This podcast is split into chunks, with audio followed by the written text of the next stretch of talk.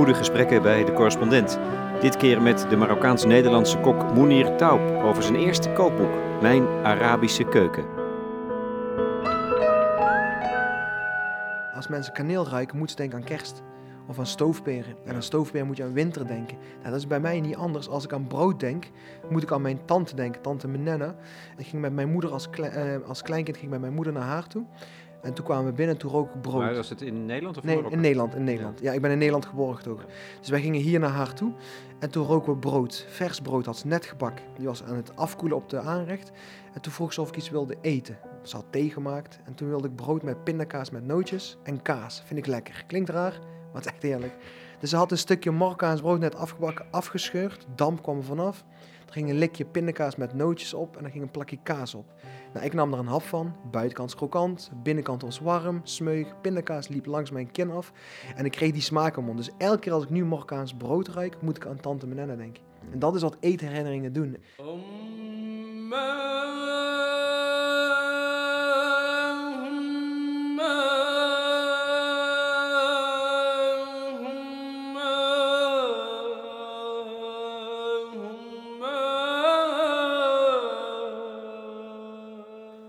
Brandenvoort.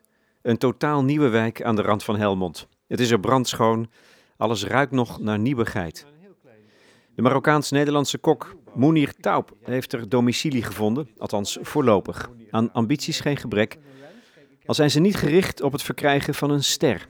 Mounir serveert heerlijke koffie met stijl. Hij heeft net zijn eerste kookboek gepubliceerd, opgedragen aan zijn moeder.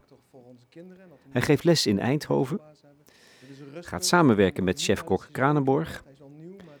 Hij treedt op op televisie, hij verzorgt programma's bij Kitchen 24. En wat je dan dus niet verwacht als je binnentreedt, is een piepklein standaard keukentje. Wel staat er op de witte muur geschreven keuken en daaronder een vertaling in Arabische kalligrafie. Ja, ja, heel toepasselijk in de keuken inderdaad. Maar er staat in, eh, in het Nederlands keuken en in het Arabisch qilb el bayt. En Qilb el bayt betekent hart van het huis. En dat is het voor mij ook echt. Ja. Maar dit, dit woord, oh, zeg het nog eens een keer in het, Ira- eh, eh, in het Arabisch. Qilb el bayt. Qilb betekent hart. En in het Marokkaans betekent el bayt betekent kamer. Maar in het Arabisch betekent het huis. Dus hart van het huis. Maar dit is eigenlijk je droom dus. Ja, dit is ja. om je te helpen herinneren wat het moet worden. Ja, ook dat, ook dat. Ik heb altijd heel veel doelen in mijn leven.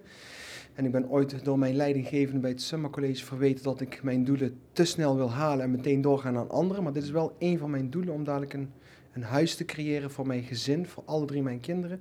Om daar een rustpunt te krijgen en daar een, een gigantische keuken te hebben het liefst. Ja. Ja, ja, ja. ja. En dan, mo- je woont, je, dan wil je wonen in je keuken. ja. Is dat, is dat wat het hart van het huis betekent? Ja, voor mij wel. Het is het samen, samenkoompunt, zeg maar. Ik kan me herinneren bij mijn ouders thuis.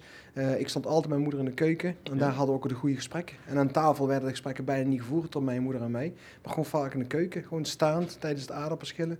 En dan komen de gesprekken. En ja, keuken moet, ja, moet groot zijn. Moet eh, in gewerkt worden. Moet leefbaar zijn. Maar moet ook rustig kunnen praten. Ja, ja. Ja. Aardappelschillen? Ja, ook Hollands pot. Niks aan de hand. ja, ja, ja, ja.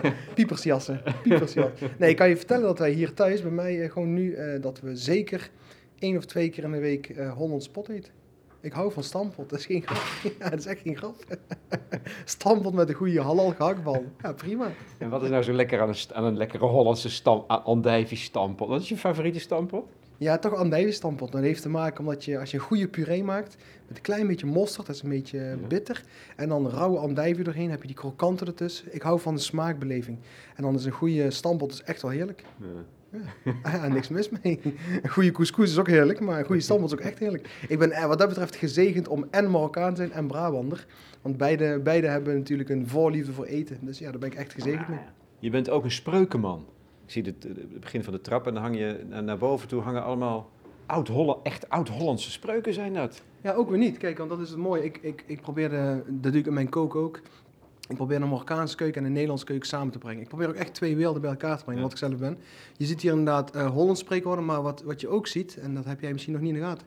Het zijn overleveringen van onze profeet, vrede zijn met hem, en overleveringen uit de Koran.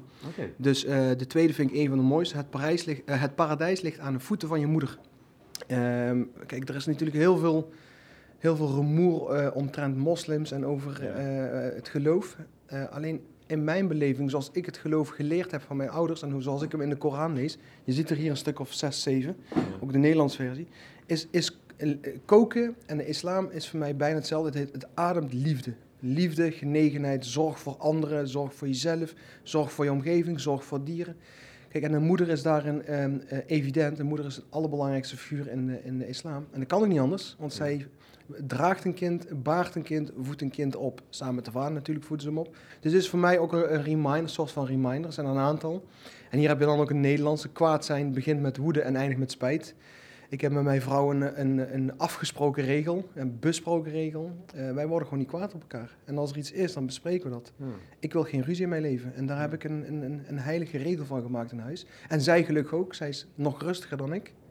Dus we hebben daar een hoe, adres. Hoe kan dat? Want er zijn altijd redenen om boos te zijn. En het uiten daarvan is, kan ook niet zoveel kwaad.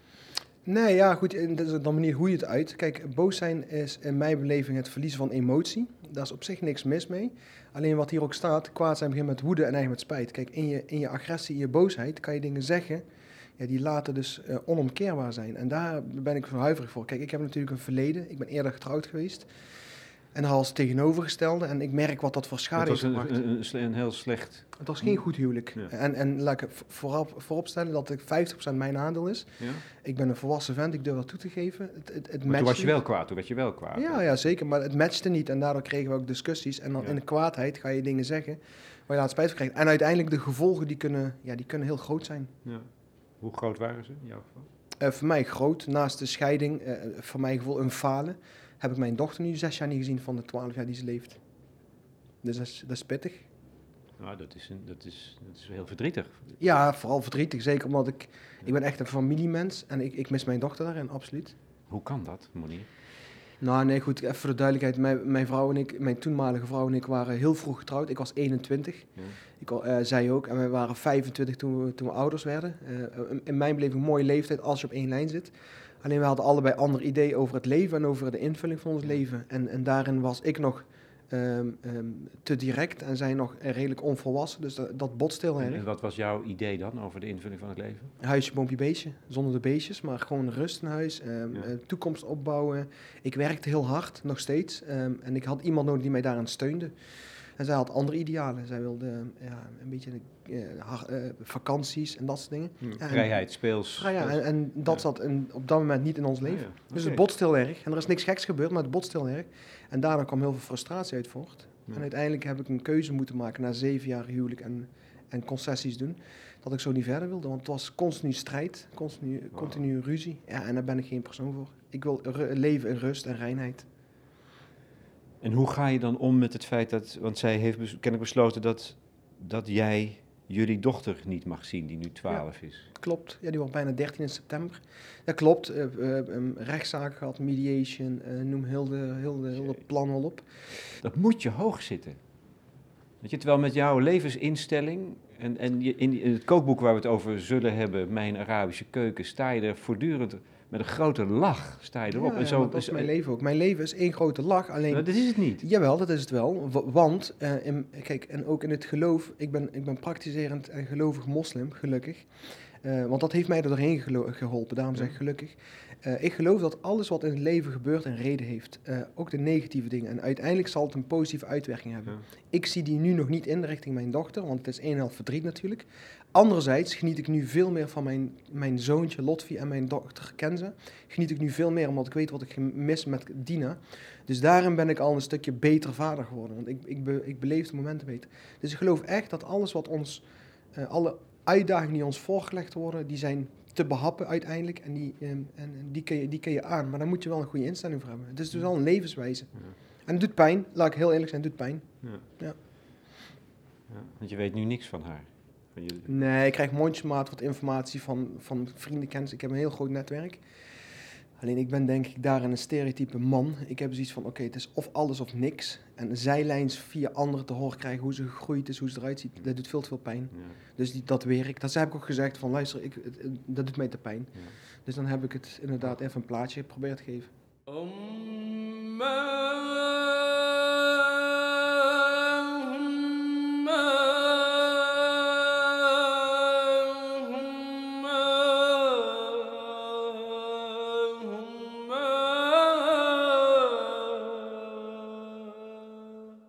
Deze week kreeg een kok, een topkok, Robert Kranen- Kranenborg, een eh, lintje.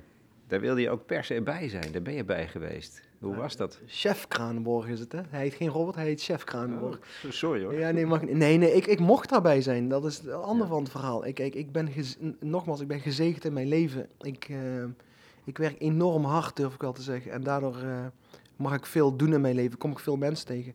En chef Kranenborg heb ik een paar jaar geleden aangeschreven via LinkedIn. Dat ik een, eh, een soort van een to-do-list heb. Dat ik heel graag met hem bij de wereld uit door een Arabisch gerecht wilde maken. Want ik zag hem altijd floreren met hele mooie gerechten. En dat dacht ik altijd bij mezelf heel stoer. Dat kan ik ook. Toen heb ik hem een bericht gestuurd. En eh, ik had hem nog nooit ontmoet. Ik kende hem natuurlijk wel als een van de meesterkoks waar ik altijd heel veel respect voor heb.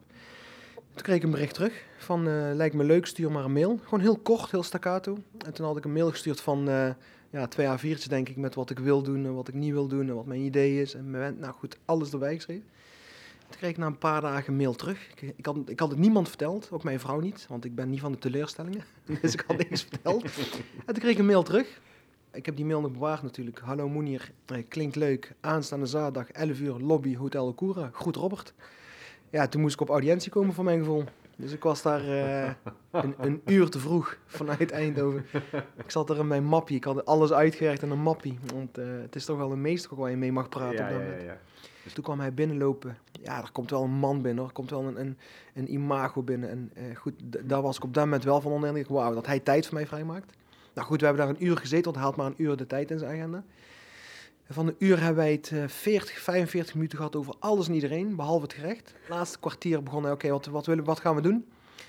Eh, dus ik heb uitgelegd, nou, ik de Bastia maken, een Arabische verfijnde gerecht. En die kende hij gelukkig. En hij zegt van, nou, die smaak heb ik nooit kunnen vangen, dus het lijkt me eh, eh, fantastisch. Stuur mij eh, deze week een uitwerking en dan eh, gaan we het realiseren. Dus ik heb natuurlijk heel stoer gezegd, nou, ik heb het al uitgewerkt, chef, hier is het. En eh, vanavond heeft hij de mailbox. En ehm, in diezelfde week kreeg ik te horen dat wij 2,5 week later in een live uitzending zouden zitten. Dus het ging heel rap. Wat is het geheim van een goede Bastille, zie je? Ehm, eh, de combinaties, absoluut combinaties. Want de Bastia is een gerecht, een soort, eh, makkelijk uitgelegd voor de, de Nederlandse mensen die het nooit hebben gehad. Een soort van een kippenpastei verpakt in filodeeg. Maar eh, het heeft wel een bereidingstijd nodig. Kijk, en ik, heb, ik ben dan iemand, ik wil mijn eigen draaier aangeven. Dus de filodeeg, die kopen wij altijd in. Die wilde ik per se zelf maken. Dat is wel een bereiding. Eh, in plaats van ingelegde citroen heb ik ingelegde sinaasappels erin gedaan. Die ik een, een paar maanden van tevoren ingelegd had. Dus voordat ik het gesprek überhaupt met chef Kranenburg had, had ik ze al ingelegd. Ja. Er zat een beetje eh, smun in. Smun is gefermenteerde boter. Gerijpte boter. Of in de volksmond ranzige boter. Ja, die had ik al eh, twee jaar daarvoor al eh, van mijn schoonmoeder gekregen. Of drie jaar toen ik met haar dochter ging trouwen. Een geranzige boter Ja. is, is een geschenk. een Ja, ja, ja, ja, kijk, er is ook in, in bepaalde volkeren in, eh, in eh, Marokko, bepaalde stammen in Marokko, doen ze dat ook. Zodra er een dochter geboren wordt, maken ze van een kilo roomboter, wat redelijk kostbaar is, maken ze smin. Die graven ze in. En als de dochter gaat trouwen, vroeger 15, 16, 17 jaar, dat was vroeger heel, veel, veel eerder dan nu. Dan haalden ze die uit de grond en dan gaven ze die als cadeau mee. Dan had hij dus 15, 16, 17, 8 jaar kunnen rijpen. Nou, dan snap je al dat hij echt gefermenteerd is. Dus hoef ik maar een mespunt te gebruiken. Dus echt ja, eetbare goud is het. Dus ik heb die traditie in ere gehouden. Ik heb voor, en voor ehm eh, Lotfi, mijn zoon van twee jaar, en voor Kenza, mijn dochter van bijna zeven maanden, heb ik hetzelfde gedaan. Heb ik gewoon smin gemaakt en die krijgen ze over een aantal. En waar, ligt, waar ligt dat dan? Hier? hier in de tuin, eh, serieus. Nee, maar ja, dit is- echt, dat is echt geen grap. Ja, ik heb ingepakt in een, eh, ja, die zie je nou natuurlijk niet. Die heb ik echt ingepakt, goed ingepakt, in een eh keramieke pot, eh, dat die ook niet kan oxideren. ingepakt en dan echt ingegraven. Oh, Wauw. Maar dit is pff, Als je niet ziet waar wij zijn, we zitten in een nieuwbouw, Splinternieuw. een splinternieuw bouwhuis, maar ook een nieuwbouwwijk in Helmond. Brandenvoort, ja, Brandenvoort. Brandenvoort. Helmond, als mensen Helmond horen, denken ze meteen aan Oud Helmond. Dat was een van de slechtste wijken, vroeger een van de slechtste eh, dorpen, st- steden. En er is nu een bui- in de buitenwijk tussen Eindhoven en Helmond is er een nieuwe wijk uit de grond geknald. Al tien jaar geleden, elf jaar Ja. geleden. Heet Brandenvoort. En Maar ik het, ben, ziet, maar het ziet er dan weer uit als een oud-Hollands stadje. ja, Terwijl het, het- geeft me bijna het gevoel van een soort filmdecor. Ja. Want het kan niet waar zijn. Ja. Snap je? Maar dan vind ik het weer zo komisch dat jij dan dus dat, dat die oeroude Arabische traditie in ere houdt. Die- Op, de, op deze plek, dus dat het in dat nieuwbouwtuintje hierachter, Ja. Dat, dat eetbare goud in de grond zit ergens Ja, tussen ja. de tegels. Ja, ja, ja, klopt. Ik probeer de Nederlandse cultuur met de Marokkaanse cultuur te, veren- eh, te verenigen. En daar ben ik heel eigenwijs in. Ik pak het mooiste van de Marokkaanse cultuur en het mooiste van de Nederlandse cultuur en een heel groot draai van mezelf. En daar probeer ik van te maken. Kijk, ik heb vanuit mijn eh, dorp waar wij oorspronkelijk vandaan komen, hebben ze dit nog nooit gedaan. Smin ingegraven. Dat deden mijn, mijn ouders kenden het ook niet. Maar het gebeurt dus wel in, eh, in bepaalde delen in Marokko. Kijk, en als hij over 16 jaar of 18 jaar bepaalt, ik ga toch geen kok worden, nou, dan heeft papa toch mooi smin. Ja. En dan hou ik hem zelf. nee, ik ben voorbereid. Maar goed, dat, smun, dat, zat dus, dat, hè, dat had je dus ook nog? Ja, die had ik inderdaad van mijn schoonmoeder gekregen toen we net gingen trouwen, mijn, Ja. mijn vrouw en ik. Die heb ik dus ook gebruikt. Dus het is een gerecht wat ehm, in twee dagen gemaakt kan worden. Maar je hebt ingrediënten nodig die in sommige gevallen al twee jaar oud zijn. En in andere gevallen, zoals die sinaasappel, een half jaar. Dus de moeilijkheid van een bastilla, waar jij naar het vroeg, is de, het samenbrengen. Dus je hebt hartig van de, van de kip en de ui en de kruiden en specerijen. Je hebt het zoete van kaneel, van amandel en van poedersuiker en gemberpoeder. En je hebt het zure van de citrusvruchten, van de eh, sinaasappel. En dat heb je dan eh, het smeugen van de vulling en het krokante van de filetdeeg aan de buitenkant. Nou, die combinatie, Mhm. als je die weet te krijgen, te bereiken, ja, dat is echt, is echt goud, dat is echt heerlijk. En op de dag zelf, we hebben, eh, op de ochtend hebben wij bij eh Ampluche, restaurant van, van Jo Braakhekker, mochten wij daar gaan koken. Hebben we in de ochtend hebben we het gerecht voorbereid. Ja. Want we hadden met duif gemaakt. Een Anjou-duif, hele mooie duif. Die moesten ook allemaal plukken en die moesten ook gaan maken. Nou, dat is een proces van een aantal uur, zeg maar. En dat kan natuurlijk niet in de studio, want in de ja. studio is het eh, tak, tak, eh, Ja. 13 minuten moet geregeld Ja. zijn. Dus we hebben het in het voortraject op dezelfde dag gemaakt. Hebben we van tevoren eh, voorbereid. En op de avond zelf, dus echt eh, vijf minuten voor de live-uitzending, hebben chef Kranenborg en ik in de keuken van de Wereldrijd Door, beneden, hebben wij het samengesteld. En hebben het zo naar boven meegenomen en toen mocht het in de oven. En toen kwam hij er live uit. Ja, en echt live en uitzending. En toen was het wel spannend. Want is de duif niet te gaar?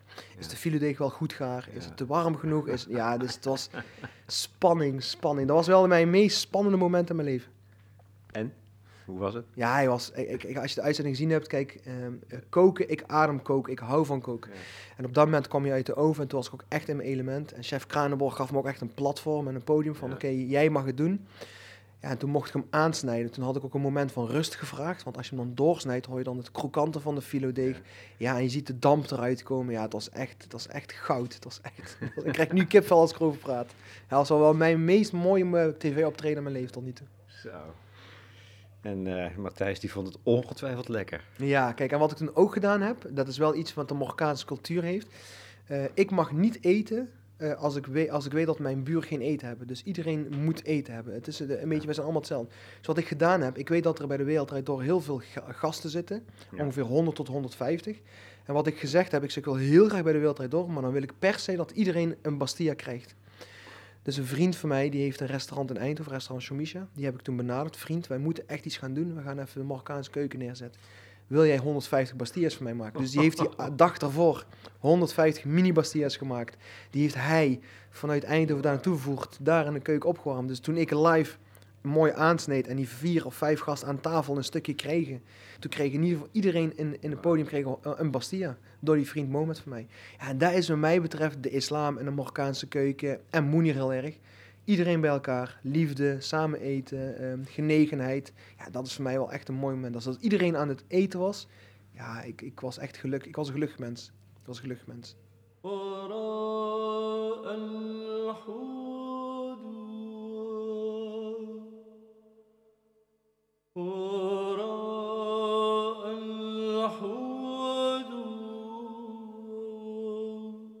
Mijn Arabische keuken, Mounir Taub. Ik vind het verschrikkelijk. Je krijgt er namelijk zo'n zin van om te eten. Ja, mooi hè? Dat was ook echt de bedoeling. Dat was ook echt... Het is echt, nee, maar het is echt heel irritant.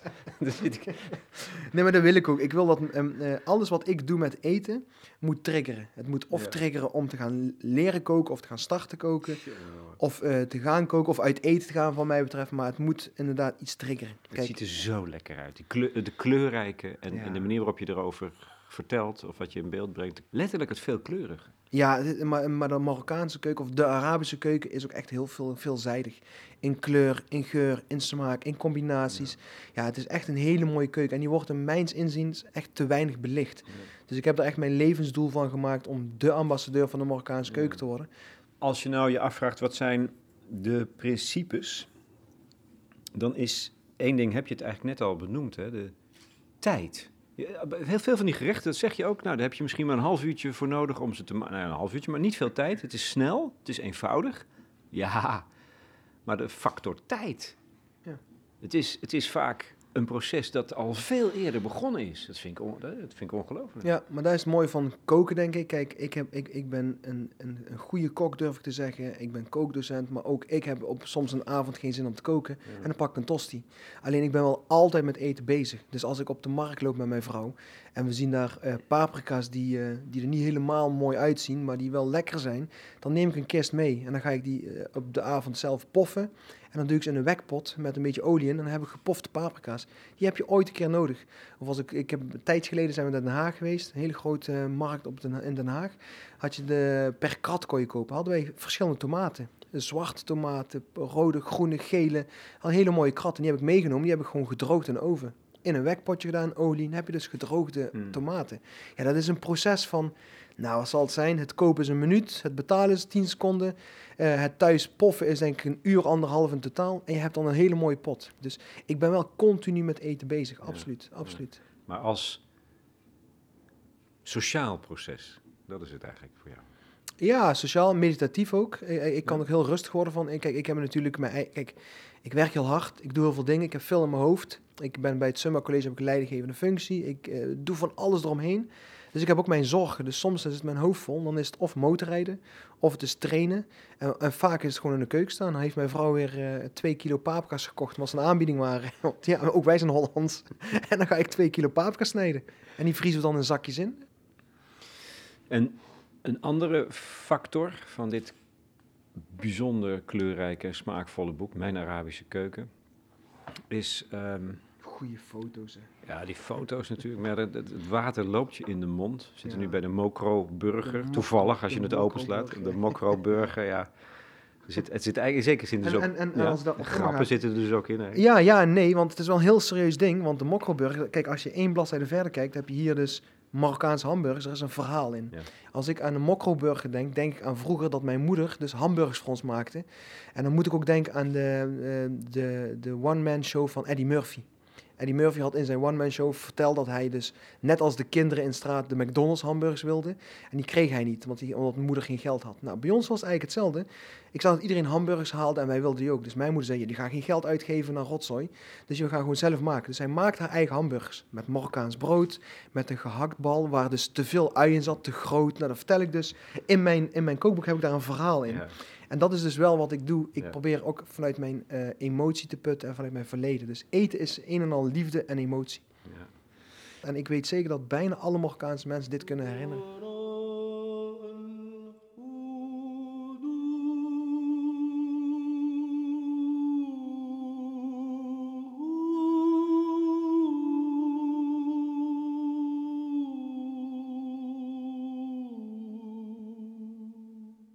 Ach, ach, ach, bladeren door het boek. Ehm, ja, dat is de moeder, hè. Het is opgedragen aan je moeder. Ja, Het is mijn Arabische keuken. ja. Er zit iets provocerends in, in deze dagen, in deze tijden. Maar het is in de eerste plaats een ode aan je moeder, die hier als 19-jarige bruid, neem ik aan, naar Nederland kwam. Ja, klopt. Ja, voor mij is het absoluut niet provocerend bedoeld. Eh, kijk, ik weet dat eh, de islam en de Marokkaan, als je over de Marokkaan kan praten, nu in, in, in moeilijke tijden zit. Eh, ja, we zijn mikpunt, durf ik wel te zeggen. Goed, ik trek me daar zo min mogelijk van aan. Ik word, er wel, ik word er wel aan herinnerd dagelijks, maar ik trek me er minder aan. hè. Ik probeer mijn ding te doen, zoals iedereen dat moet doen. Mijn boek heb ik gemaakt om meerdere redenen. Ten eerste omdat het een, ja, echt een droom is van mij. Het is echt een droom om een eigen kookboek te maken. Ehm, daarnaast een soort als bedankje van mijn ouders.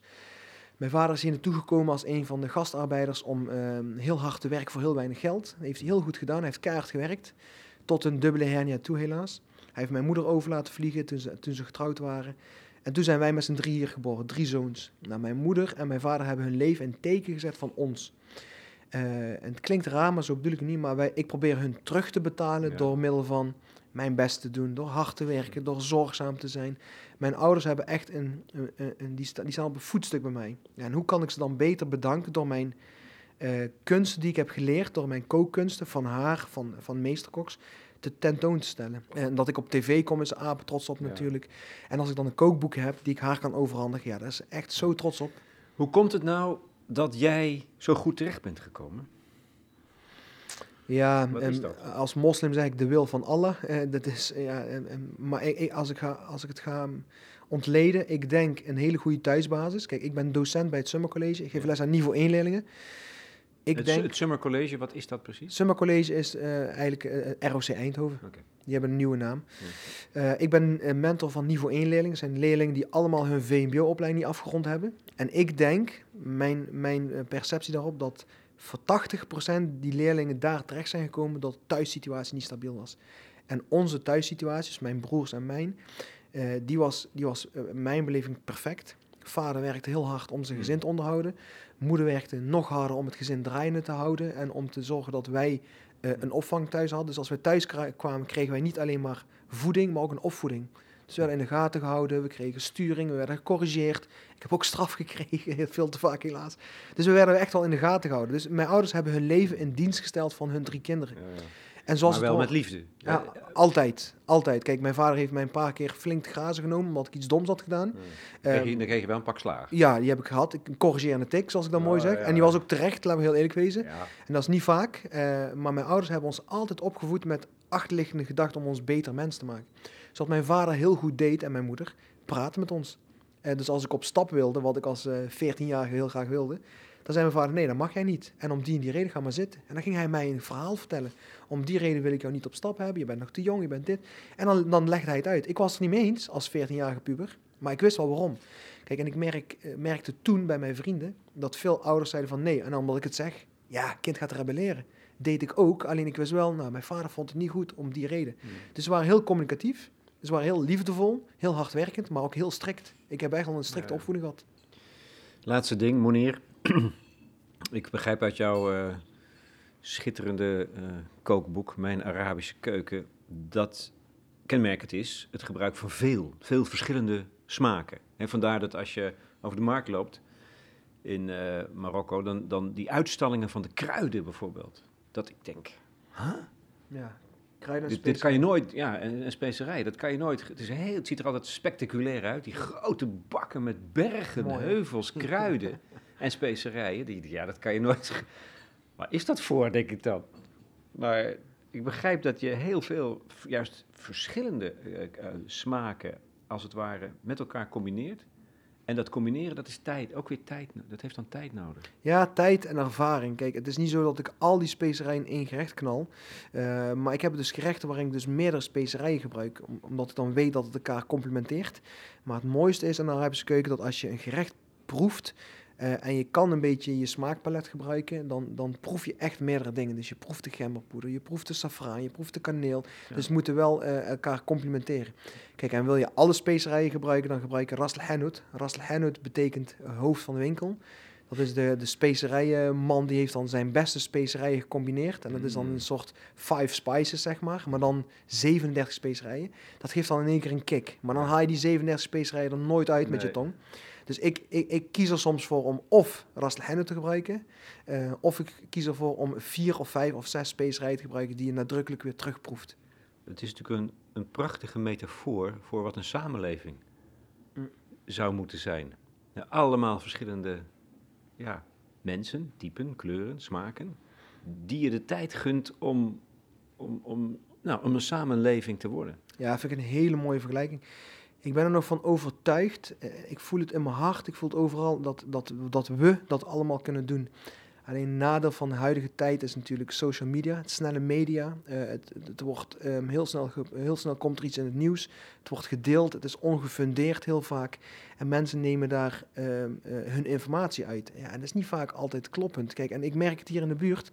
Ik woon in een, een prachtige wijk, eh, in een nieuwwijk met heel veel verschillende soorten nationaliteiten. Over het algemeen vooral Nederlanders.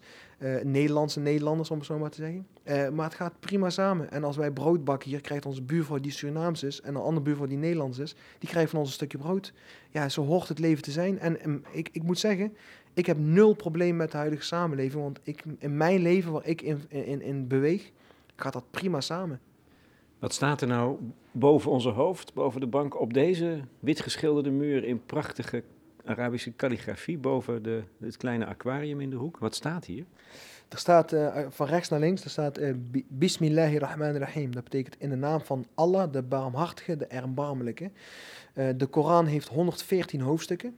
113 van de 114 beginnen met deze tekst in de naam van Allah.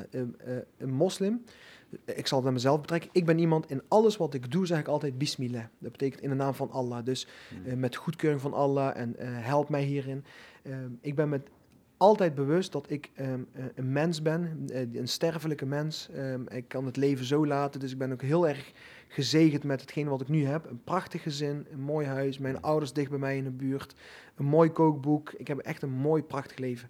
Niet alles is volmaakt, maar alhamdulillah. Eh, ik ben blij dat ik mag ademen, dat ik alles om me heen heb. Dus het is ook een reminder inderdaad dat wij nietig zijn, dat we uh, een kort leven hebben en dat we het beste eruit moeten halen. Er is een hele mooie overlevering in de Koran. Leef voor deze wereld alsof je nooit sterft. En leef voor het hiernamaals alsof je morgen sterft. Uh, en dit is echt een reminder inderdaad dat wij uh, in dienst zijn van. Ik ben in dienst van de maatschappij, van mijn gezin, van mijn werkgever, maar ook in dienst van, van God. Absoluut. Je praat alsof je haast hebt. Ja, weet je, dat is gedrevenheid. Ja, dat is, ik hoor dat vaker inderdaad. Ik, ik noem mezelf ook soms een beetje ADHD. Ik weet wat ik wil zeggen en ehm, dan gaat het in mijn hoofd heel snel. En ik, oh ja, dat moet ik zeggen, dat moet ik zeggen. En het is inderdaad pure passie. En bij 24 Kitchen wordt het soms gek voor mij. Want dan ben ik dus een opname aan het doen. En ik, ik, ik, heb daar, ik, ik speel daar geen rol. Ik ben echt mezelf. En dan soms moeten ze stoppen en zeggen ze, moet hier duidelijk articuleren, rustig praten. Maar ja, het is inderdaad wat jij zegt, passie. passie. Als ik ergens voor sta, ja, dan kan ik er echt uren over praten, absoluut. het is evident, jouw passie. Het is heel fijn om mee te maken, dankjewel. Alsjeblieft, dankjewel dat je er bent.